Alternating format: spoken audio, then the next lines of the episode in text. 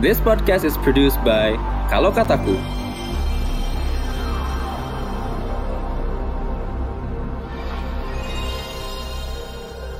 dua hari ke belakang ini eh, menurut gua kejadian-kejadian terjadi khususnya di ibu kota Jakarta itu apa ya sangat menyedihkan gitu membuat eh, kita mungkin yang nggak ada di Jakarta mungkin di Bandung gua pribadi di Bandung ngelihat ini suatu kejadian yang apa ya patut disayangkan gitu untuk terjadi dan itu hanya terjadi karena hal kecil gitu dari sebuah perbedaan pilihan dan juga apa ya ya gue intinya sih lebih sangat menyayangkan sampai hari ini ternyata eh, menimbulkan banyak korban gitu di kejadian yang ada di Jakarta eh, sejak tanggal 21 kemarin gitu.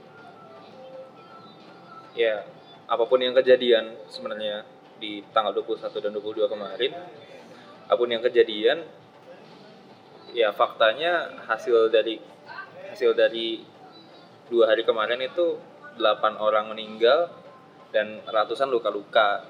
Jadi apa pun itu yang kejadian sudah seharusnya kita mungkin apa ya berduka gitu. Bukan kadang-kadang kadang-kadang kita nggak bisa berempati sama yang kayak gitu ya. Karena sering kali di politik itu kita nggak bisa berempati tapi menurut gue dua hari ke belakang ini seharusnya kita semua bisa berempati buat Indonesia gitu. ya wajar sih maksudnya ketika kita di berondong dengan itu narasi rusuh dan lain-lain. Ketika respon pertama kita adalah kaget dan takut pasti refleksnya adalah ya tuduh-tuduhan dan saling menyalahkan kan? Em, implikasinya jadi banyak ya. Kita, kit- kalau kalau ngelihat media-media asing mereka itu udah mereka tuh udah nyebutnya yang kejadian kemarin tuh Jakarta Riot gitu. Padahal yang kejadian itu di beberapa tempat doang nggak di semua Jakarta nggak di Jakarta. Terus kemudian ada yang membanding-bandingkan sama Mei 98 itu sama sekali nggak sama sekali nggak relevan. Dan sayang banget gitu sayang banget em, banyak banyak hal jadi nggak banyak hal jadi nggak nggak nggak produktif lah gitu di tanggal 21 dan 22 kemarin. Kalau kalau dibawa lebih jauh lagi rupiah harganya nembus 14 nembus 14.500 lalu kemudian em, ada ada ada sentimen yang makin negatif dari asing dari ada sentimen yang makin negatif dari mancanegara ke Indonesia bahwa Indonesia udah sudah mencoba menjadi mencoba menjadi negara demokrasi yang damai gitu kan terus akhirnya ini kejadian dan kemudian ya semuanya balik lagi gitu. Dan gimana ya gue sih ngerasa akan sangat-sangat mudah untuk kita mendemonisasi pihak lain itu ya di sini. Akan sangat-sangat mudah untuk kita nyalahin gitu. Tapi em, salah satu hal yang salah satu fenomena yang terjadi di demokrasi akhir-akhir ini dan sangat-sangat berbahaya kalau ini kemudian kejadian di Indonesia adalah adanya rasa apa ya adanya adanya rasa terisolasi dan teralienasi gitu dari em, kalau kita kalau kita kemudian mencoba memposisikan diri gitu ya sebagai sebagai yang ada di sebagai yang ada di kerusuhan kemarin gitu ya udah udah banyak udah udah banyak banget pengorbanannya pengorbanannya dan segala macemnya terus kemudian ya mereka nggak dapat apa-apa juga gitu. Terus em, yang mereka tahu di media mereka di di demonize itu di demonisasi, di demonisasi itu. Dan ya pasti akan sangat mudah untuk ngelakuin itu ya. Karena ya kita juga banyak yang rugi gara-gara itu gitu. Tapi menurut gue ini bukan waktunya untuk itu kalau kemudian yang dibangun adalah Indonesia yang satu kalau yang kemudian yang dibangun adalah Indonesia yang bisa berdialog seharusnya ini tuh adalah pelajaran yang sangat mahal buat kita dan setelah ini tuh nggak boleh nggak boleh ada lagi kejadian kayak gini gitu. Dan satu-satunya cara kita me- mengatasi satu-satunya cara kita mencegah hal ini kejadian ya dengan berdialog gitu dengan dengan apa ya? Ya nggak mengisolasi orang-orang yang di situ lah. Gitu. Se- mungkin semua orang harus duduk sama rata ya untuk membahas ini ke depannya. Ya jangan sampai ada lagi lah kayak gitu. Kita udah banyak mengorbankan banyak hal kayak gitu. Jadinya sia-sia gitu. Awas. sebenarnya kalau ditarik keluar ini kan karena kita nggak di Jakarta ya kita bisa komen kayak gini. Tapi di Jakarta berdasarkan respon beberapa orang berdasarkan respon gubernur juga yang rusuh cuma di satu dua titik sisanya berjalan biasa aja. Ya karena emang kita tahu Indonesia kayaknya kuat deh. Kayak gini rasio kita 0,041 kita masih damai-damai aja. Arab Spring itu lahir gini rasionya 0,038 gitu. Jadi kita udah lewat itu kita masih damai-damai aja. Seharusnya ini bisa jadi awal yang baik buat demokrasi kita. Jadi titik balik buat kita sama-sama sadar sama-sama ngelihat ke belakang retrospeksi apa yang kejadian apa peran saya di hal itu sampai terjadi di Indonesia dan mulai bisa menentukan sikap yang lebih baik.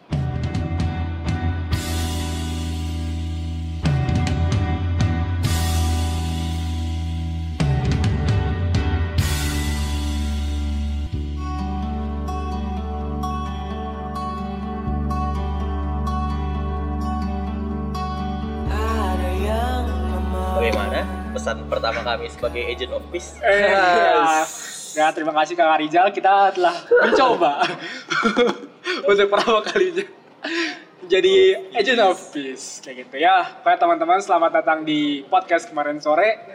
Bareng Ave lagi. Ya, kita bareng Ave yang baru saja kita lantik. Kita buatkan SK-nya sebagai anggota, Ave baru dibaptis Your Ya. Red Avenger now. sebagai agen cinta.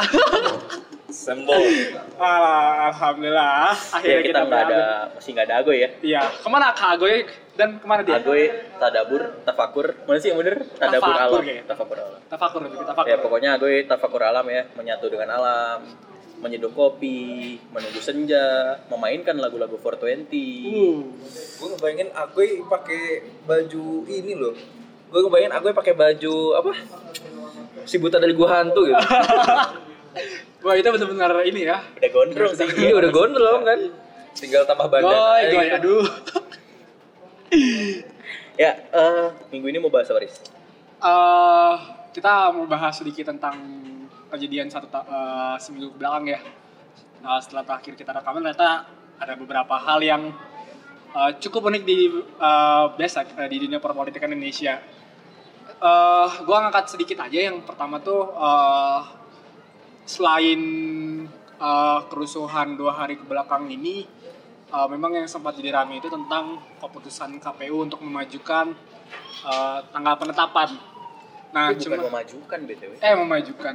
Oh bahasanya. Dia itu justru baru mengumumkan akan diumumkan tanggal segitu. Karena deadline-nya kan 22. Ya tanggalnya du- 22 karena maksud gua itu ya lebih ke sana ya. Eh, ini timbul apa ya? Ada ada yang memprotes lah kayak gitu. Walaupun ternyata kan sebetulnya eh, di undang-undang pun tidak dipermasalahkan. Yang justru yang jadi akan jadi masalah ketika eh, KPU ternyata lewat. Ya. Ini kan dipertanyakan eh, kinerjanya mungkin dalam sisi segi pe- perhitungan dan sebagainya eh, kurang cepat. Dan memang sebenarnya KPU ini benar-benar mengakselerasi kan ternyata benar-benar mengusahakan ini secepatnya eh, bisa diumumkan kayak gitu. Jadi eh, yang pengen kita bagi hari eh, yang pertama ini adalah eh, KPU udah eh, KPU sudah melakukan penetapan ini sesuai dengan undang-undang gitu. Jadi tidak tidak ada yang dilanggar eh, sekalipun gitu.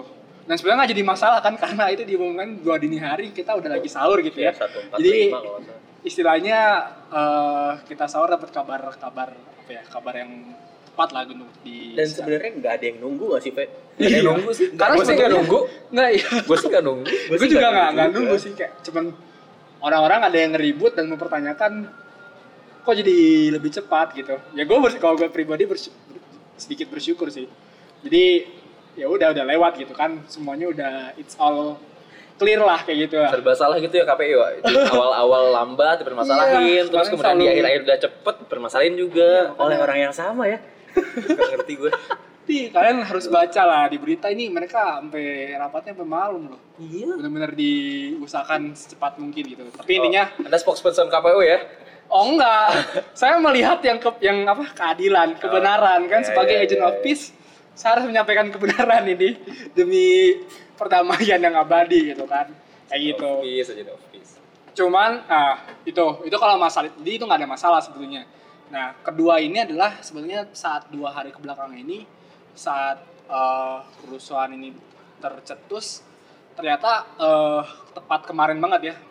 Tiba-tiba eh, arus media informasi kita gitu khususnya di media online itu tiba-tiba eh, ini ya terkendala lah kita kan ternyata sebelumnya kan kita nggak tahu nih ada apa ada apa kok kita nggak bisa pakai WA nggak pakai IG ini kan kasihannya adalah yang jualan gitu ya Ya. endorser tiba-tiba kok gua nggak bisa ngepost foto dan sebagai video dipertanyakan kan Apa aja sih? IG terus IG, WhatsApp yang gue rasain sih itu. Kalau lain itu masih Facebook? ini sih masih.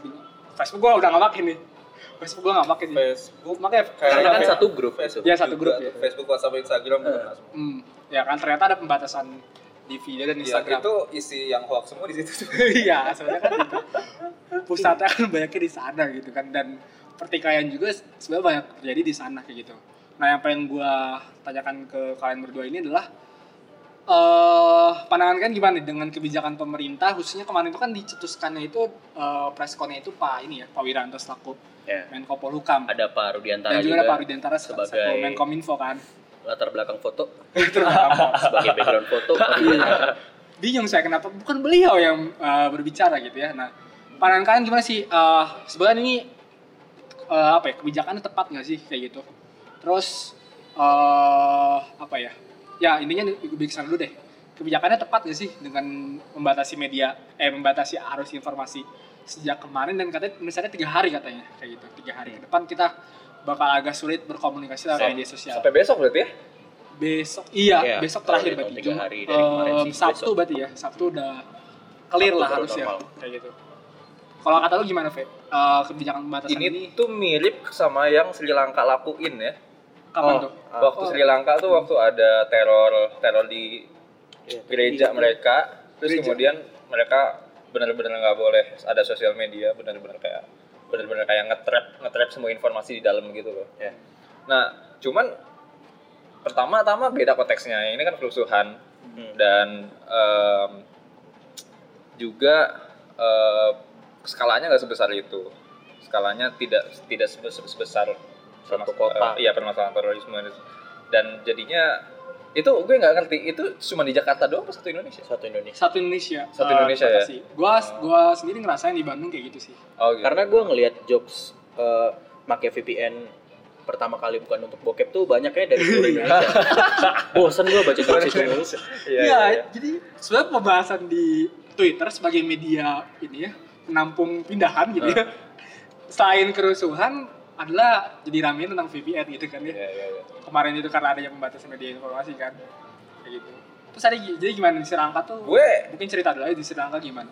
oh kalau di Sri Lanka itu setelah em, pe- apa? Teror. setelah setelah Teror di setelah gereja itu. teror teror di gereja itu kemudian mereka benar-benar menutup menutup Sri Lanka dari dunia dari dunia luar Hmm. terus kemudian benar-benar sosial medianya benar-benar ditutup Sampai Dan- itu clear. Sampai itu gue nggak tahu berapa Oh, hari waktu itu. sampai itu seminggu ya? Semingguan lah ya. Sampai itu clear terus kemudian terus pada akhirnya gue nggak tahu kalau nggak salah karena yang disalahin orang Islam juga Muslim juga terus Yeah. kemudian benar-benar dipersekusi gue nggak ngerti. Tapi itu abis itu gue nggak ngikutin lagi tuh setelah itu. Cuman kalau ini kalau Wiranto melakukan ini ya ini kayak di tahun ini ini satu-satunya hal yang gue setujui dari keluar dari mulut Wiranto gitu loh Kayaknya Karena- sebulan belakangan si bapak memang agak-agak ini. Kan sebelumnya dia agak-agak apa agak-agak pinter agak apa ya? agak apa ya? ya dia mulai meluhutkan diri ya Mulai menunjukkan kembali Wiranto sang itu deh aduh kalau mau jelek-jelekan Wiranto dengerin podcast asumsi yang bareng Haris Azhar tuh ganti judulnya ya kejelekan Wiranto tuh kok anda jadi sp- sponsorin ini lain sih oh iya itu mereka nggak punya sponsor mereka udah keren sendiri nggak ya? pede sama konten ini sama seperti pemerintah yang tidak pede memenangkan arus mainstream makanya memblok arus non mainstream oh, seperti iyo, sosial media iyo, iyo, iyo, iyo. Iya, ya? iya, itu kan berarti salah ya? satu ini salah satu alasan Iya. kenapa Berarti pemerintah tuh nggak pede mereka dipercayai sama problemnya adalah memang meyakinkan orang iya. itu susah cuy. Meyakinkan Iya. orang yang udah ada di WhatsApp grup yang kemudian udah ter kontaminasi. terkontaminasi berkali-kali. Bahkan iya. bahkan orang-orang orang-orang terdekat gue pun seperti itu gitu loh. Iya, yang yang gue yang gue yakin banget mereka tuh orangnya terdidik. Ya mereka ngedidik gue juga gitu loh. Tapi ketika itu ya udah kita yang lebih kita yang lebih ahli sebenarnya dalam eh, menyaring informasi digital kan. Dan menurut gue memang untuk untuk jaga-jaga dua dua sampai tiga hari sampai sampai kerusuhan selesai menurut gue nggak masalah sih. Itu ya apalagi kan sekarang udah udah udah ketahuan ratusan ratusan em, luka-luka dan delapan orang meninggal itu nggak nggak usah ditambah lagi lah gitu. Menurut gue gitu. Ya gimana Ya, ya? kalau Maksudnya, ya betul gimana dan? Eh, gue sebenarnya mau nggak mau kalau gue ada di posisi sepemegang jabatan kayak gitu mau nggak mau gue yang penting stop dulu. Mau dikasih eh, mau dibius ya, dulu nggak apa-apa. Mau caranya dibius dulu nggak usah langsung dikasih antibiotik ya nggak apa-apa. Yang penting berhenti dulu sakitnya di gue gitu. Ntar mau nyari siapa yang salah mau ini respon pertama kita salah apa enggak ya nanti itu jadi pelajaran ke belakangan lah yang penting sekarang ya udah deh stop sakitnya dulu deh gitu menurut gue jadi mau nggak mau ya gue setuju sama Pak Wiranto sih. Gimana gitu. Cuman ada ada beberapa counter isu kayak gini ya yang gue baca. Ada beberapa orang yang berpendapat kenapa pemerintah itu eh, apa kan kita kan bicara negara demokrasi itu kan bebas berpendapat. Hmm. Eh, ada kekhawatiran dengan meng- apa ya membatasi arus media di sosial media ini justru jadi menghambat ya orang-orang yang terbiasa untuk Hmm. Eh, memberikan pandangannya gagasannya. Iya. kayak gitu. Menurut lo gimana kalau soal itu? Ya logikanya gini aja. Kalau lu pengen baca tulisan di Tirto itu mungkin update-nya sehari empat kali. Tapi lo kalau lu baca apa zona islam.blogspot.com itu bisa update tiap 15 menit gitu. Itu baru satu tuh zona Islam. Belum zona-zona yang lain gitu. Jadi jadi lebih banyak eh, media sosial yang apa ya istilahnya membawa konten yang gue nggak tahu ya? kontennya mereka gimana Hmm. tapi gue juga nggak tahu itu bener apa enggak kan. Oh, oke. Kayak kemarin banyak banget informasi korban yang meninggal eh, puluhan lah ratusan. Kalau gubernur dan pak polisi nggak came up dengan yang meninggal berapa jumlahnya bisa itu jadi kan manasin ke mana-mana. Dan kalau gubernur nggak dan pak kapolda juga nggak naik dengan satu dua titik yang rusak bisa-bisa orang nyangkanya Jakarta kayak gini "Eh, Jakarta panas banget ya Jakarta tegang di mana-mana. Nah kan kita nggak cuma ngebicarain orang yang ada di satu dua titik itu. Media ini kan ada buat orang yang di mana-mana gitu. Jangan sampai orang yang ada di daerah yang tidak konflik tapi ikutan tegang dan mengganggu kesehariannya gitu. Karena bukan cuma ya gitu deh. Sebenarnya menurut gue gue setuju dengan Wiranto itu kayak it says a lot about media di kita. Hmm. it says a lot about uh, bagaimana kita bagaimana kita meng apa ah ini mengakses informasi Oh. bagaimana Literasi. kita kayak ya literasi digital kita gitu karena berarti gue nggak sepercaya berarti gue nggak percaya dengan kemampuan orang Indonesia untuk uh, lit- apa literasi digital mereka tuh nggak bagus berarti gitu ya benar jadi gue nggak percaya kalau mereka tuh bisa apa memilah mana yang mana yang hoax mana yang enggak gitu Tapi gue nggak setuju juga sih kalau tuduhannya adalah, ya jangan beredel kebebasan berpendapat kita dong. Gila lu tuh. Maksudnya kalau ditahan hanya untuk tiga hari, maksudnya sel- ini tuh supaya lo sadar selama ini lo punya kemewahan, lo tuh punya Ya, kemewahan bener, kebebasan bener. berpendapat. Kayak sementara Ya. selama ini tuh lo menerima korting dari Gojek 50% ketika kemarin ada uji coba tiga hari tarif Gojek naik lo semuanya Protes. protes, Ya, padahal selama ini tuh lo menerima kebebasan gitu nah dan lo akan ngerasain pertanyaan selanjutnya sebenarnya efektif apa enggak? Kok toh Iya. semua orang abis itu setelah abis itu Iya. pakai VPN juga gitu masalahnya efektif selalu, atau selalu enggak? ada aja cara ya gue nggak tahu sih harusnya ada studi soal itu. Hmm. efektif nggak ya? Ya ya yang yang suka bikin hoax ngerti nggak VPN apaan? Hmm. kan mereka beda generasi Sama kayak aduh. Aduh ini bukan penye- kita penyerangan ya. menambahkan aduh blunder baru dalam ya. mungkin kita tahan aja ya. Tapi kayaknya terlalu jauh ya. Cuman yang gue tangkap ini eh, untuk eh, melihat kondisinya terus juga jangka waktu kebijakannya yang tidak terlalu panjang ini apa ya mungkin langkah aman gak sih? Maksudnya ya udah ini mah nggak apa-apa gitu ya. Ya. masih it's okay lah ya. Gue mau narik ini tapi gimana ya ini tuh sama kayak kali hitam ditutup pakai jaring hitam tau gak? Oh iya iya iya iya. Iya, Ya, iya. ya, itu, ya. itu itu itu. eh mungkin analoginya jadi ke situ tapi ya Di memang akan selalu dengan itu sih maksudnya kalau lo ngelawan pembajakan akan selalu ada yang lolos kan ya betul. jadi ya nggak maksudnya nggak kena kena Ya, masalah benar-benar. besar ya kan Kayak gitu. Ya. ya inilah maksudnya kita pengen coba ngebahas karena ini baru kali ini ya dia nggak sih pernah nggak sih sebelumnya? Iya kayaknya ya. yang Belum- diumumkan secara resmi mungkin baru kali ini iya ya tapi nggak Iya, tahu Ya. Tapi- oh iya, iya. kalau yang dari pemerintah baru baru Baru ini kali. sih ya baru kali ini ya ini biar ke depan kita nggak nggak kaget lah ya dan ini sebenarnya menambah jejak buruk dari Paru Di antara ya setiap dia muncul setelah menutup Tumblr sesuatu apa sih Tumblr ya. Tumblr, Terus, Reddit. aduh. Dia tuh kalau muncul selalu membawa berita buruk gitu. Dia bukan, oh kita mengeluarkan eh, 4.000 pemancar baru titik se Iya. Indonesia. Dia taruh di antara selalu datang dengan kita memblokir ini, kita memblokir itu. sebenarnya saya menunggu platform literasi digital yang lebih baik pak kalau kita akan terus seperti ini gitu tanggapan kita gitu di kehidupan media sosial gitu Untung aja kita rekaman setelah berbuka ya. Setelah berbuka. Ini kita bergunjing ini. Jangan promosi juga dong. Itu platform sebelah. Oh iya sama. Nggak tahu.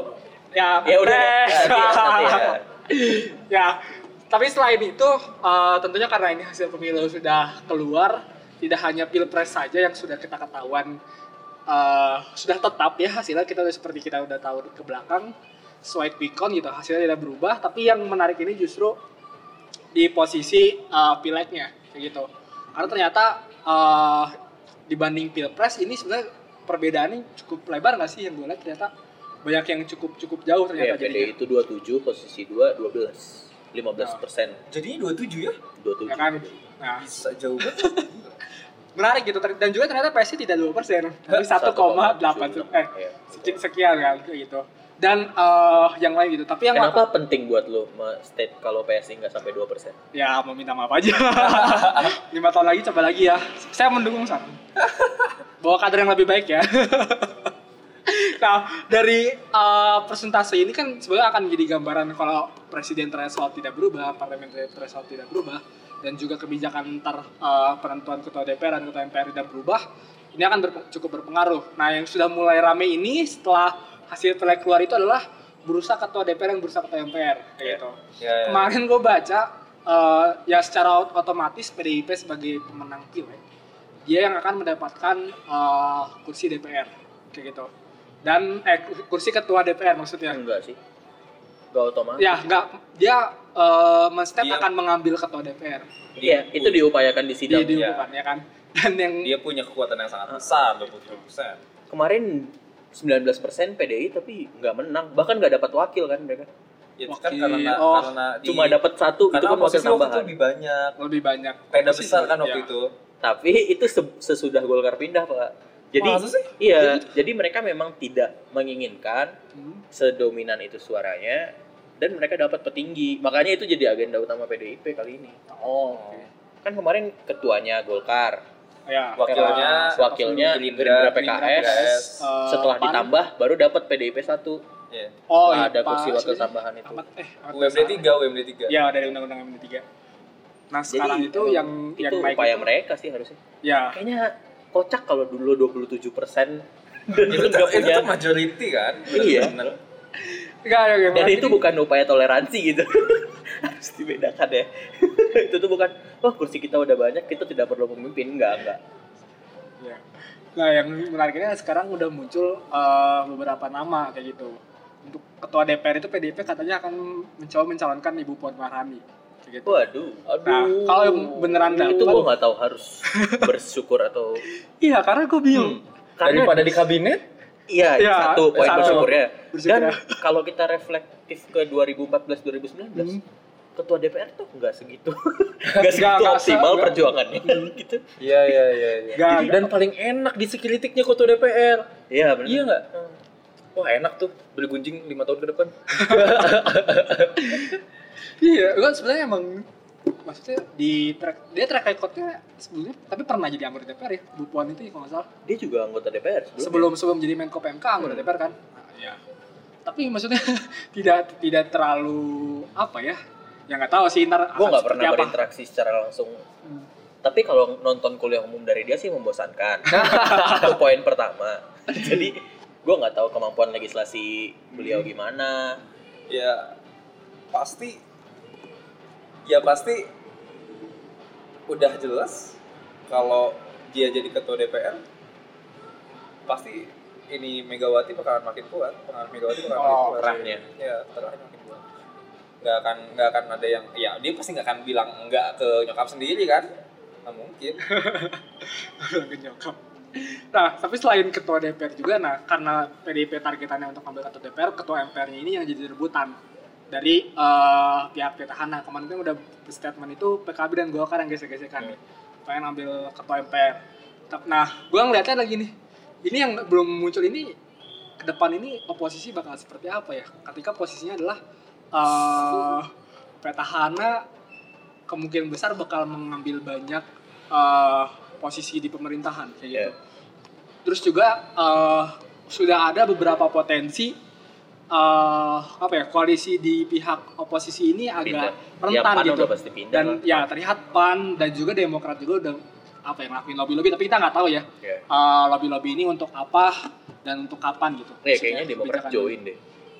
Ya kan? Dia butuh putra mahkotanya jadi menteri. Iya, ditambah juga kan kemarin kan sempat ribut-ribut eh, masalah Bu Ani yang tiba-tiba jadi dilibatkan masuk pusaran gitu kan agak agak apa ya aneh juga gitu ya. Bu Ani? Kenapa? Iya, jadi sempat ada statement eh, Demokrat itu tidak tidak fokus full mendukung 02 karena Pak SB-nya tidak turun gunung dan dianggap eh, dia apa Bu Ani sakit ini hanya akal-akalan itu ada yang sempat bikin statement seperti itu. mantep Gua pas baca anjing ini orang sakit kanker lu.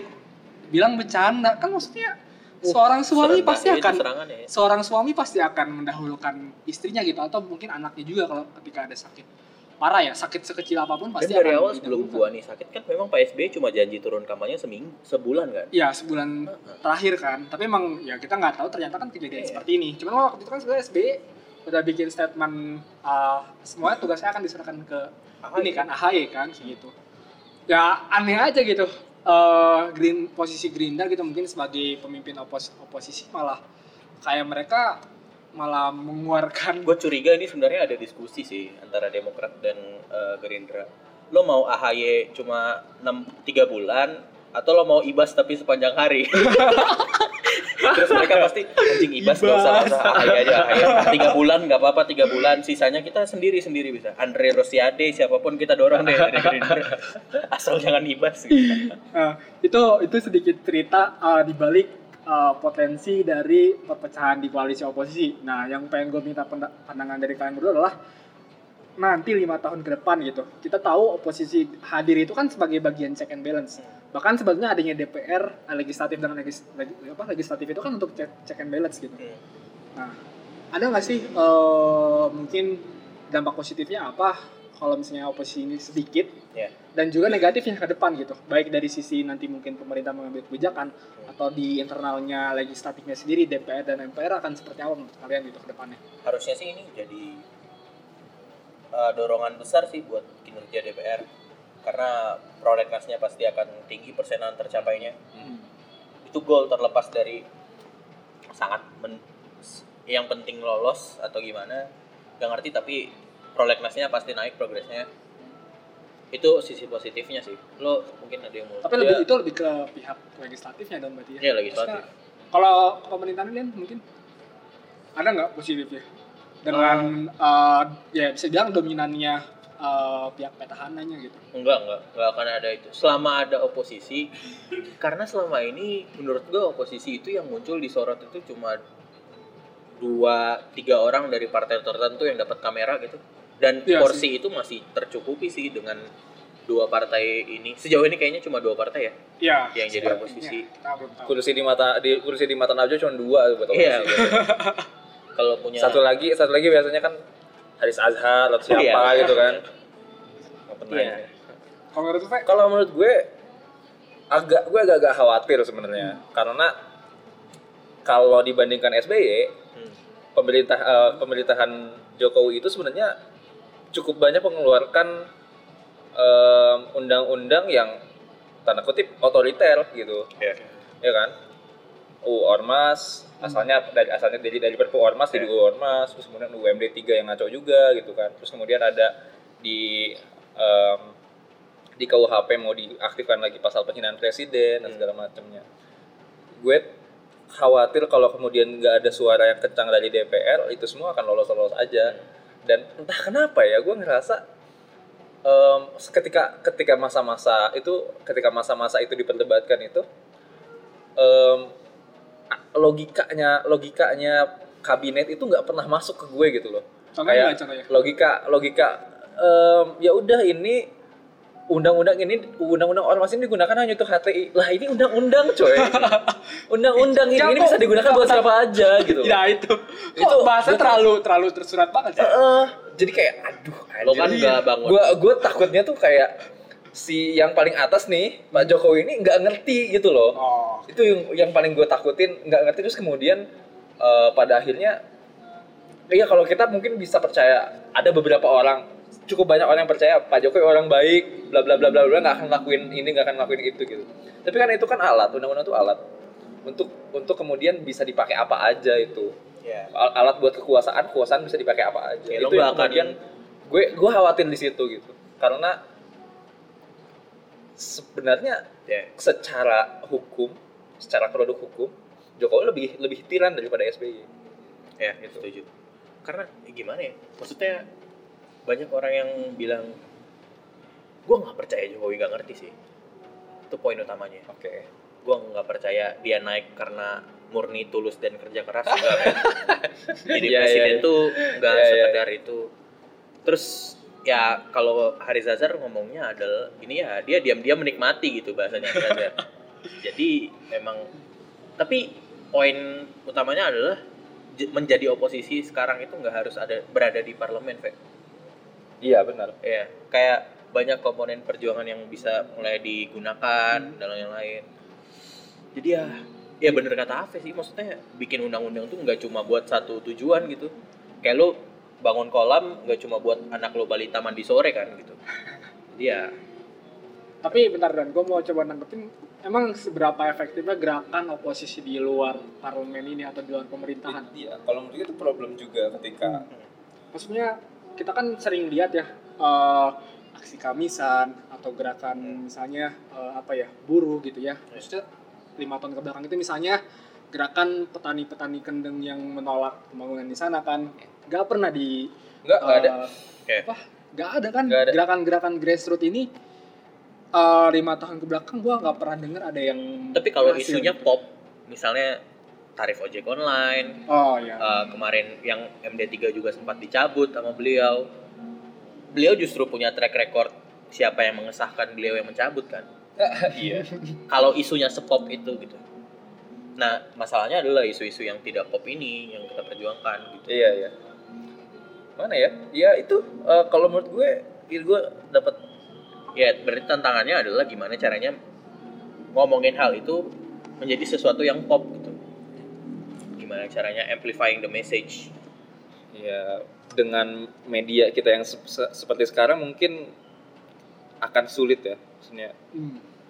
gue gue memang masih punya eh, skeptisisme yang cukup dalam sih sama media kita terkait me- menaikkan hal-hal yang metal seperti ini ya pada akhirnya cuman cuman segelintir lah yang kemudian bisa bisa menaikkan hal itu pun belum tentu udah naik kemudian digubris kan kan belum Ya. tentu. Jadi Ya. tapi DPR itu bu- bukannya ini ya eh, punya semacam ruang nggak sih maksudnya? Untuk kan kita tahu gerakan-gerakan dari grassroots itu seringnya bentuknya turun ke jalan eh, sekedar eh maaf ya bukan sekedar maksudnya seringnya bentuknya eh, apa sih namanya semacam teatrikal dan sebagainya. Berasa ya. Tapi memang bagusnya itu konsistensinya yang gue salut gitu terus ada gitu. Tapi gue nggak pernah dengar eh, ada eh, apa ya semacam apa ya bahasanya kalau nggak salah di DPR tuh rapat dengar pendapat dia nggak sih kalau salah? Semacam hal seperti itu. Pernah nggak sih gerakan-gerakan grassroots ini? Sampai sejauh sana gitu perjuangannya. Maksudnya kan itu yang lebih lebih apa ya lebih Itu- lebih dam bukan damai ya apa bahasanya ya? Itu ada tahapnya sih. Ketika kedua panja panitia kerja satu RUU itu diduduk bareng sama orang yang itu. Tapi masalahnya di situ adalah itu mereka yang menentukan siapa yang akan diundang Riz oh nah justru berarti masalahnya juga adalah di kompetensi siapa yang diundang kayak masalah masalahnya undang-undang PKS kalau nggak salah Hmm. eh, RUU PKS. RUU PKS adalah yang diundang itu justru bukan orang dari yang berasal perjuangan yang memperjuangkan Yang UU PKS ini. ya? Oh. Panjanya itu terbentuk bahkan tidak ada orang yang peduli akan isu ini. Jadi masalahnya produk undang-undang itu kan di situ sebenarnya klasik. Siapa pun pemerintahnya. Ya, kalau kalau memang gerakan grassroots Indonesia selalu ini ya, selalu punya problem dalam nyampein ke sistemnya gitu. hmm nah itu kan makanya dari Penyampaian aspirasi iya, tapi kemudian nggak nggak nggak diproses di sistemnya. Kita nggak punya pro, kita nggak punya sistem petisi seperti di Inggris Ya. yang kalau sudah sekian banyak menandatangani petisi ini wajib bagi parlemen untuk setidaknya ada debat tentang itu gitu loh. Bahkan kita nggak punya kalau Inggris tuh sebelum ada petisi pak mereka bahkan undang-undangnya dibawa turun. Ya. Nah ini kita yang belum ada. Reses kita justru bukan dipakai buat penyampaian undang-undang. Tapi gue penasaran di petisi ini bentuknya apa sih Kalau petisi kalau bukan change.org ya. Iya, iya. bukan bukan change.org, Gue bukan. juga nggak mungkin itu kan. Iya, enggak, nggak petisinya sekuat itu. memang resmi resmi dari parlemennya. Hmm. Resmi dari parlemen dan kemudian ya bisa dikampanyekan sama seperti di change.org dan segala macamnya, tapi akan akan jauh lebih jauh lebih kuat karena itu masuk sistem. Ya. Wajib bagi parlemen ketika sudah sekian persen dari masyarakat Inggris apa menghendaki ini dide- didebatkan, didebatkan pada akhirnya. Ya. Berarti Kita parlemen kayak- kita nggak proaktif nggak sih? Hitungannya jatuhnya. Masalahnya Maksudnya kalau tadi di Inggris petisinya langsung dari parlemen, berarti kan emang mereka uh, merasa sih. tapi masalah utamanya menurut gua nggak adanya sosiohub antara uh, parlemen ke masyarakat gitu karena ngomong orang nggak semua orang tertarik ngomongin yang kayak gini nggak Fe? Iya, Iya. nah di Inggris itu pasarnya udah kebentuk gitu karena dari dulu uh, MP hall-nya itu memang diadain buat debat calon-calon politisi kan gitu kan kayak mereka ngelempar ide ada yang ngedebat dan lain-lain tapi di Indonesia bangsa pasarnya orang yang ketika DPR-nya turun ke dapil mereka buat ngomongin ini tuh aja satu hal yang susah gitu Iya. jadi tugas ekstra mereka justru bukan menyampaikannya, tapi mena- membuat orang-orang tertarik akan apa yang mereka omongkan. gitu. Ya, lu pernah datang ke sosialisasi MPR atau DPR nggak sih? gue pernah Itu- diundang. itu udah udah mau dikasih duit aja masih sedikit orang datang Se- aduh, tapi itu gede gede, sih? anjir. Itu gede anjir. 250 gue waktu SMA nih 250 ribu 250 lagi. waktu kuliah lebih banyak lagi buset Iya lebih gede. Uang transport. susah, Bu. tugasnya jadi kayak nggak ada sosiohubnya gitu. Oke.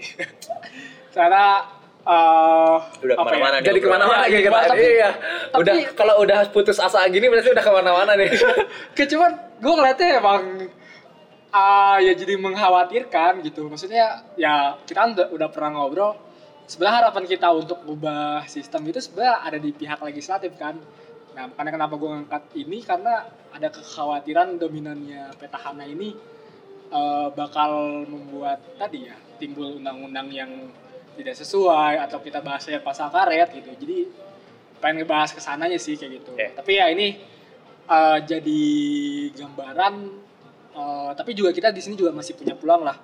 Ini jadi gambaran awal gerak, awal arah baru PKS kayaknya. Iya. Karena kita pengen ngebahas produk undang-undang bersama dengan institusi ya kayak eh, organisasi-organisasi yang ada di sekitar kita Hmm. yang bakal kita ya jadi tujuannya adalah kita bakal menjadikan politik ini obrolan sehari-hari. Perjuangan mereka dan muaranya ke politik gitu. PKS podcast kemarin sore kan iya. lo melihat upaya itu bisa dilakukan oleh PKS di ori PKS Eh, Enggak, PKS itu memperjuangkan Raperda Kota Religius.